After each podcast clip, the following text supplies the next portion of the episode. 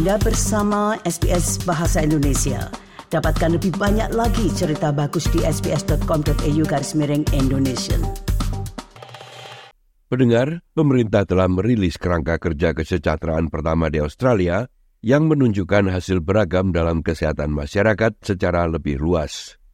Berikut ini sebuah laporan yang disusun oleh Sofia Tarik untuk SBS News.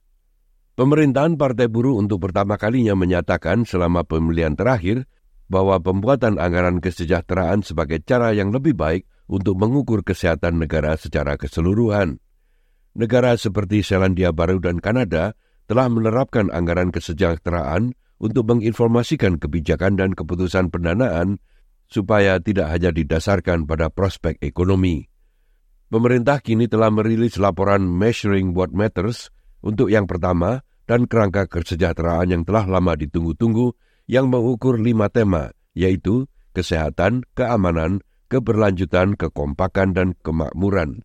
Bendahara Jim Chalmers mengatakan bahwa kerangka kerja ini adalah upaya untuk menyelaraskan dengan lebih baik apa yang kita inginkan untuk ekonomi kita dengan apa yang kita inginkan untuk komunitas kita. What we're releasing today is all about trying to broaden the economic conversation so that we're focusing on health and well-being, security, prosperity, cohesion and sustainability as well. And so across five themes in the first National Wellbeing Framework, we're measuring about 50 different indicators to try and get a better read in addition to the usual economic indicators, not instead of the usual economic indicators.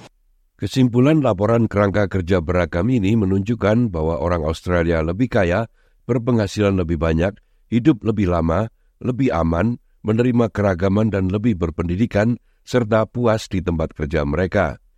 Namun semakin banyak orang yang mengalami penyakit kronis, merasa lebih sulit memenuhi kebutuhan, kurang produktif, kurang aman saat online, dan kurang percaya kepada pemerintah. Pihak oposisi telah bereaksi terhadap laporan itu dengan bendara bayangan Angus Stiller menyebut laporan itu sebagai setengah matang.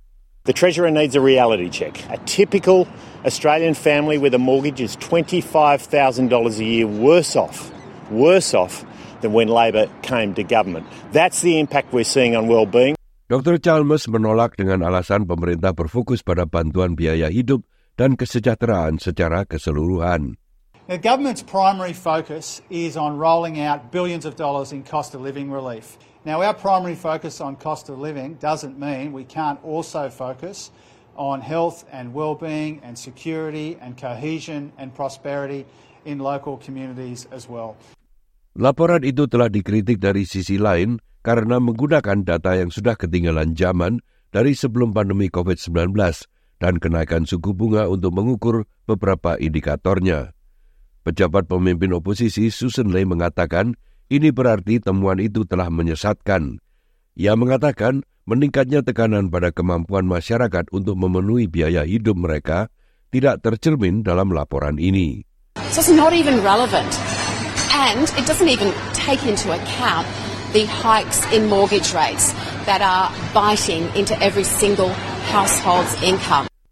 Kelompok Suicide Prevention Australia juga prihatin dengan gambaran laporan itu tentang kesehatan mental dan mengatakan bahwa bunuh diri itu sendiri bahkan tidak dimasukkan sebagai metrik dan laporan tersebut mengacu pada kesehatan mental dalam arti umum. Menurut laporan itu keadaan stabil secara keseluruhan, namun dikatakan tingkat bunuh diri sebenarnya meningkat naik dari 7% tahun lalu di New South Wales dan Victoria. Kepala dari Deloitte Access Economics, Dr. Pradip Philip mengatakan Meskipun ada kekhawatiran seputaran data, laporan itu tetap membantu. Look, data is always going to be an issue, and we shouldn't get distracted from what this report is really trying to do. You see, economic growth is actually in the service of the welfare of our community, our society, and all Australians. And we've had an important focus on some indicators. And by the way, we do need to do more to lift economic growth and drive productivity. What this report tells us is to how we can have a broader conversation, how there are other indicators that might tell us something about the quality of that growth. Dr. Chalmers mendukung laporan tersebut. Ia mengatakan ini adalah upaya pertama pemerintah pada kerangka kesejahteraan nasional untuk Australia. Demikian tadi sebuah rangkuman tentang laporan kesejahteraan Australia yang disusun oleh Sofia Tarik untuk SBS News dan disampaikan oleh Ricky Kusumo. Sukai, berbagi, komentar. Ikuti SBS program Bahasa Indonesia di Facebook.